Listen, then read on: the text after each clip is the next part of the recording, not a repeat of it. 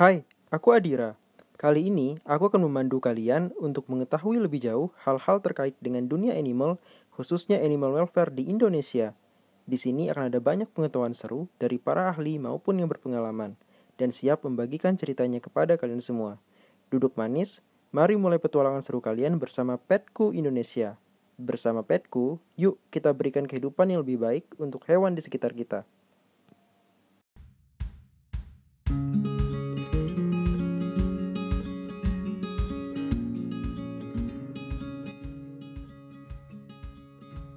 Selamat datang di podcast Petku Indonesia, di mana ini merupakan ruang bagi kita semua untuk membahas hal-hal seputaran animal welfare di Indonesia, khususnya hal-hal terkait dengan kesejahteraan binatang. Nah, kebetulan di episode pertama hari ini, kita sudah kedatangan narasumber yang sangat inspiratif, yaitu Mbak Dita dari Rumah Kucing Parung, yang bakal membagikan cerita inspiratifnya tentang rumah kucing parung sebagai salah satu shelter di Indonesia yang memperjuangkan kehidupan kucing-kucing di luar sana. Nah, sebelum kita ngobrol lebih jauh, lebih baiknya kita dengerin dulu nih latar belakang dari Mbak Dita sendiri. Halo Mbak Dita. Halo, Assalamualaikum. Waalaikumsalam. Sehat, Sehat Mbak. Gimana puasanya Mbak? Alhamdulillah, semoga lancar semuanya ya. Hmm, amin Mbak. Nah mungkin uh, dari Mbak Dita bisa cerita dulu nih Mbak latar belakang dari Mbak Dita sendiri. Monggo Mbak. Nah oke, okay. uh, eh, saya cerita sedikit mengenai rumah kucing parung pada awalnya ya. Jadi kalau uh, rumah kucing parung itu sebenarnya awalnya dibangun oleh suami saya itu untuk uh, kucing saya pribadi. Sebenarnya seperti itu. Jadi tidak untuk umum tadinya. Dengan jumlah kucing itu 30 ekor.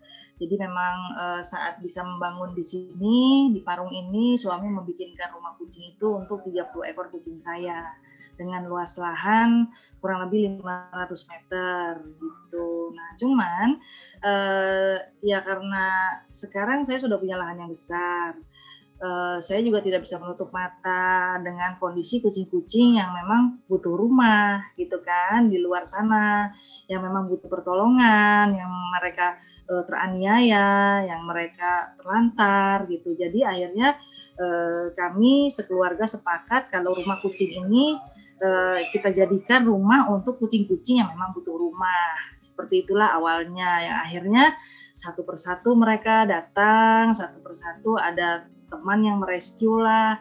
Akhirnya mereka tinggal di sinilah, yang akhirnya jumlahnya jadi cukup banyak sekarang dan selalu open adopsi sih kalau saya gitu di sini. Jadi uh, apa walaupun uh, bertambah terus kucing tapi saya usahakan selalu mencarikan adopter buat mereka. Ya kurang lebih itulah awal awalnya rumah kucing parungnya. Oh oke okay, Mbak. Berarti memang awalnya rumah kucing parung ini diperuntukkan untuk kucing peliharaan Mbak dan keluarga sendiri ya? Oh iya seperti itu. Oke. Okay.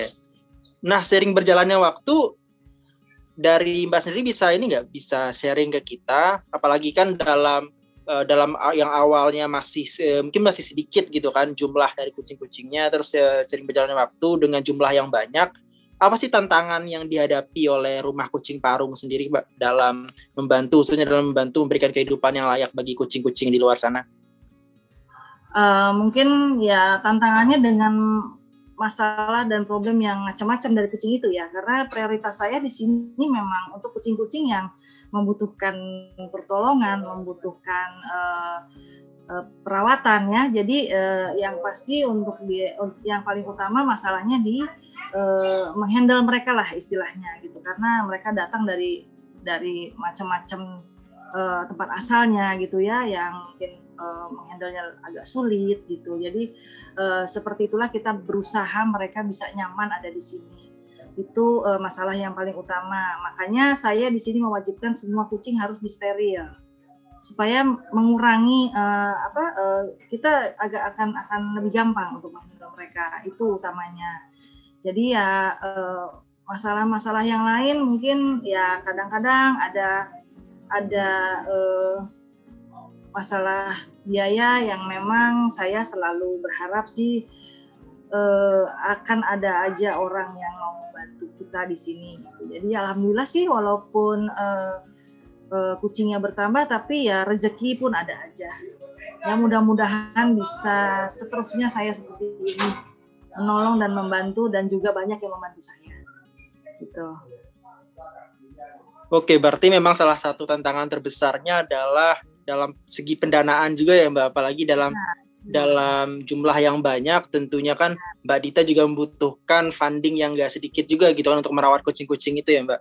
Uh, menurut Mbak sendiri um, apa sih yang bisa dilakukan khususnya masyarakat-masyarakat di luar sana gitu kan yang mungkin yang mungkin bisa memulai nih mulai membangun kesadaran bahwa kehidupan kucing atau kita memberikan kehidupan yang layak bagi kucing itu merupakan tanggung jawab kita bersama. Apa sih kesadaran yang bisa dimulai khususnya di masyarakat, Mbak?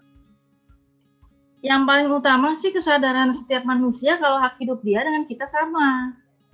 Itu dulu ya yang paling utama ya. Kita diciptakan ini kan bukan hanya makhluk hidup itu kan bukan hanya manusia ada hewan, ada tumbuhan, itu kita harus bisa hidup berdampingan dan hidup mereka sama dengan kita. Kalau manusia semua punya pemikiran seperti itu, eh, mereka juga selalu peduli dengan hewan yang ada di sekitar kita, ya mungkin eh, nggak ada yang terlantar ya. Ya, jadi itulah eh, apa yang paling utama sebenarnya kesadaran manusia untuk untuk menyadari kalau kita hidup berdampingan dengan mereka itu eh, apa ya hak hidup mereka sama dengan kita gitu. Jangan jangan menjadi manusia egois lah gitu kan. Mereka harus dimusnahkan mereka harus disingkirkan. Hanya boleh kita yang hidup di sini yaitu yang akhirnya uh, animal abuse-nya tinggi. Uh, kesejahteraan hewan pun uh, jauh gitu ya. Uh, yang akhirnya ya ya seperti itulah kondisi kucing seperti hama yang banyak disiksa orang yang banyak ditelantarkan orang gitu kan uh, walaupun uh, kalau saya saya pikir uh, semua agama mengajarkan itu ya untuk saling menyayangi sesama makhluk.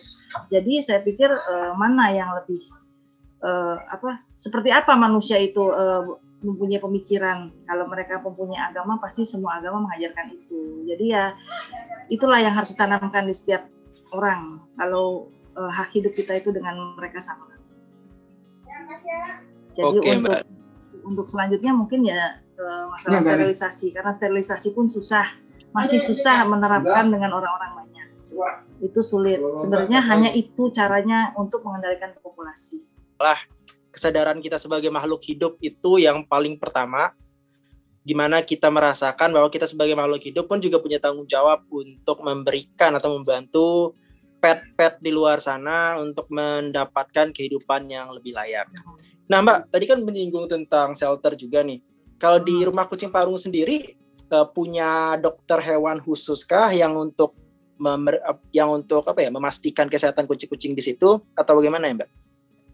Uh, untuk yang standby kita belum ada. Jadi hanya uh, ada beberapa klinik atau dokter hewan yang uh, selalu mau membantu rumah kucing parung untuk mengenangani kucing-kucing di sini. Jadi uh, ya mereka yang berjiwa sosial, mereka yang uh, selalu mengutamakan uh, kehidupan makhluknya lah ya gitu ya. Jadi tidak tidak tidak mengutamakan uang. Ya itulah yang yang banyak membantu saya, mem, banyak membantu kucing-kucing di sini. Jadi mereka akan selalu siap kapan pun saya perlu. Uh, saya kirimkan kucingnya uh, ke klinik atau mereka datang ke sini ya pasti mereka uh, akan sangat senang hati membantu. Hari ini kan animal welfare dan juga rumah kucing parung sebagai shelter juga. Nah, menurut Mbak sendiri, apa sih yang bisa masyarakat kontribusiin untuk membantu shelter itu sendiri, khususnya dalam mencapai yang namanya animal welfare atau kesejahteraan binatang itu sendiri? Sorry, diulang sebentar. Oke. Okay. Oke, okay, tadi kan kita karena kita, tema kita hari ini kan animal welfare ya, Mbak, tentang ya. kesejahteraan binatang. Lalu juga rumah kucing parung sebagai shelter Tadi kita juga membahas tentang apa sih yang bisa dilakukan masyarakat untuk memulai hmm. sadar untuk mulai sadar dengan uh, tentang kesejahteraan binatang itu sendiri. Kalau menurut Mbak Dita, masyarakat apa sih yang bisa dikontribusiin oleh masyarakat dalam membantu shelter-shelter di luar sana?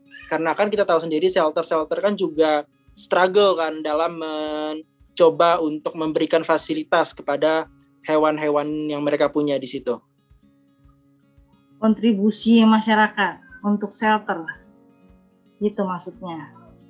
Ya kalau saya sih mungkin gimana ya?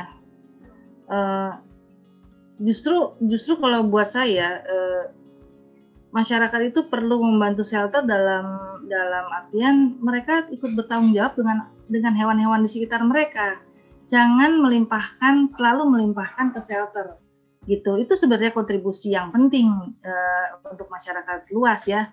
Jadi jangan semata-mata uh, mereka tahu ada shelter, uh, ya sudah uh, taruh aja di sana. Ya udah kirim aja ke sana. Justru mereka tidak uh, tidak punya kontribusi, berarti tidak punya tanggung jawab berarti gitu loh. Jadi justru di kontribusi orang tuh ya ya dengan membantu uh, bertanggung jawab, membantu ikut memelihara mereka gitu. Jadi itu sebenarnya yang paling utama yang karena semua shelter kalau mau dibilang penuh ya penuh. Gitu kan. Uh, mau dibilang overpopulasi ya iya juga gitu kan dan belum banyak kita punya shelter dan tidak tidak tidak ada shelter yang sempurna juga gitu jadi pasti pasti di setiap shelter itu ada permasalahan sendiri jadi istilahnya janganlah menambah beban begitu kalau kalau saya rasa sebenarnya kalau saja dalam satu rumah, eh, setiap rumah mau memelihara satu ekor hewan saja, satu ekor kucing dengan mensterilkan satu ekor saja dan mereka eh, mau memberikan memberi makan satu ekor kucing saja, saya rasa tidak ada yang terlantar dan tidak ada over di dalam satu shelter. Shelter itu sebenarnya hanya sebagai tempat untuk yang memang membutuhkan, mungkin yang cacat atau yang uh, berkebutuhan khusus gitu ya yang mungkin nggak semua orang bisa pelihara gitu kan. Nah yang sehat-sehat tuh sebenarnya ya harusnya bisa tetap uh, dijaga dengan kita bersama-sama. Jadi itulah yang penting kontribusi dari masyarakat untuk shelter. Ayolah bantu shelter bagaimana supaya di shelter pun mereka bisa sejahtera. Bantu dengan ikut bertanggung jawab dengan hewan yang ada di sekitar kita. Begitu Oke, nah teman-teman semua, jadi seperti yang disampaikan Mbak Dita tadi, jangan semuanya itu dilimpahkan ke shelter gitu. Mungkin ya. teman-teman punya peliharaan, kalau merasa masih bisa merawat sendiri, ya berjuang untuk merawat sendiri gitu. Ya paling kalaupun ada beberapa satu dua hal yang nggak diketahui, ya bisa belajar, bisa belajar dari ya. shelter juga, ya. gitu kan? Dengan yang sudah berpengalaman, minta bantuan dengan saya atau siapa pun banyak dari kita yang bisa memberikan bantuan entah bagaimana cara merawat, mengobati dan lain-lain. Ya ada masalah apa? Jangan sedikit-sedikit ada masalah uh, melemparkan ke shelter gitu kan. Mereka pikir di sinilah rumah mereka yang paling nyaman gitu. Tapi belum tentu juga kan gitu kan.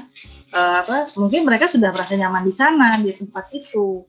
Di tempat yang baru belum tentu mereka nyaman gitu. Bener bener harus diingat ya teman-teman petku semua Oke Mbak, jadi ini pertanyaan terakhir mungkin di obrolan singkat kita hari ini. Uh, apa harapan Mbak Dita ke depannya khususnya untuk shelter-shelter um, yang ada di seluruh Indonesia khususnya dalam perbaikan fasilitas kah atau hal-hal terkait lainnya? Harapan saya untuk shelter ya sesama shelter lah ya kita ya. Yang pertama uh, kita harus bisa saling bekerja sama. Kita harus bisa saling membantu. Uh, jadi uh, terjalin kerjasama yang baik, ya, tidak tidak apa, tidak ada saling istilahnya saling bersaing atau bagaimana gitu ya dalam mengelola shelter. Karena shelter ini kan kita sosial, kita membantu, menolong ya, bukan dalam konteks apa pun gitu ya. Jadi kalau untuk perbaikan uh, fasilitas atau dan dan lainnya di dalam shelter itu saya rasa semua yang memiliki shelter tahulah bagaimana yang terbaik untuk tempat itu. Mereka juga akan sangat mengerti masalah kesejahteraan hewan, masalah pemeliharaan hewan. Saya rasa uh, uh, mereka pasti pasti sangat menguasai. Cuman uh, yang saya lebih berharap sih ya di antara uh, sesama shelter, di antara semua pemilik entah itu anjing, kucing, apa pun bisa bekerja sama dalam dalam rangka yang mensejahterakan hewan kita saling bantu apa pun yang bisa kita support uh, itu lebih baik rasanya mungkin bisa lebih banyak yang kita perbuat lah untuk mereka yang mungkin masih ada di luar sana untuk mereka yang memang masih butuh pertolongan Seperti itu kalau saya rasa ya. Oke, Mbak Dita. Mbak, makasih banget atas waktunya hari ini. Semoga Rumah Kucing Parung selalu bisa memberikan kontribusi terbaiknya, khususnya untuk kucing-kucing di luar sana. Terima kasih banyak doanya. Tolong bantu support ya. Tolong bantu banyak edukasi juga ke banyak orang. Bagaimana kita di sini selalu berjuang. Saya selalu berjuang untuk kesejahteraan mereka. Yang mudah-mudahan eh, bisa lebih banyak berkahnya lah buat kita semua. Amin, amin. Makasih sekali lagi Mbak Dita atas waktunya dan untuk teman-teman Petku Indonesia semua, terima kasih sudah mendengarkan episode pertama podcast Petku Indonesia hari ini dan semoga selanjutnya akan ada banyak hal lain tentang animal welfare yang bisa kita bagiin lagi dan mungkin juga ke depannya nanti kita bisa ngobrol lagi bareng Mbak Dita di tema-tema yang berbeda dan kisah-kisah inspiratif lainnya. Oke, makasih Mbak atas waktunya. Terima kasih juga, sama-sama.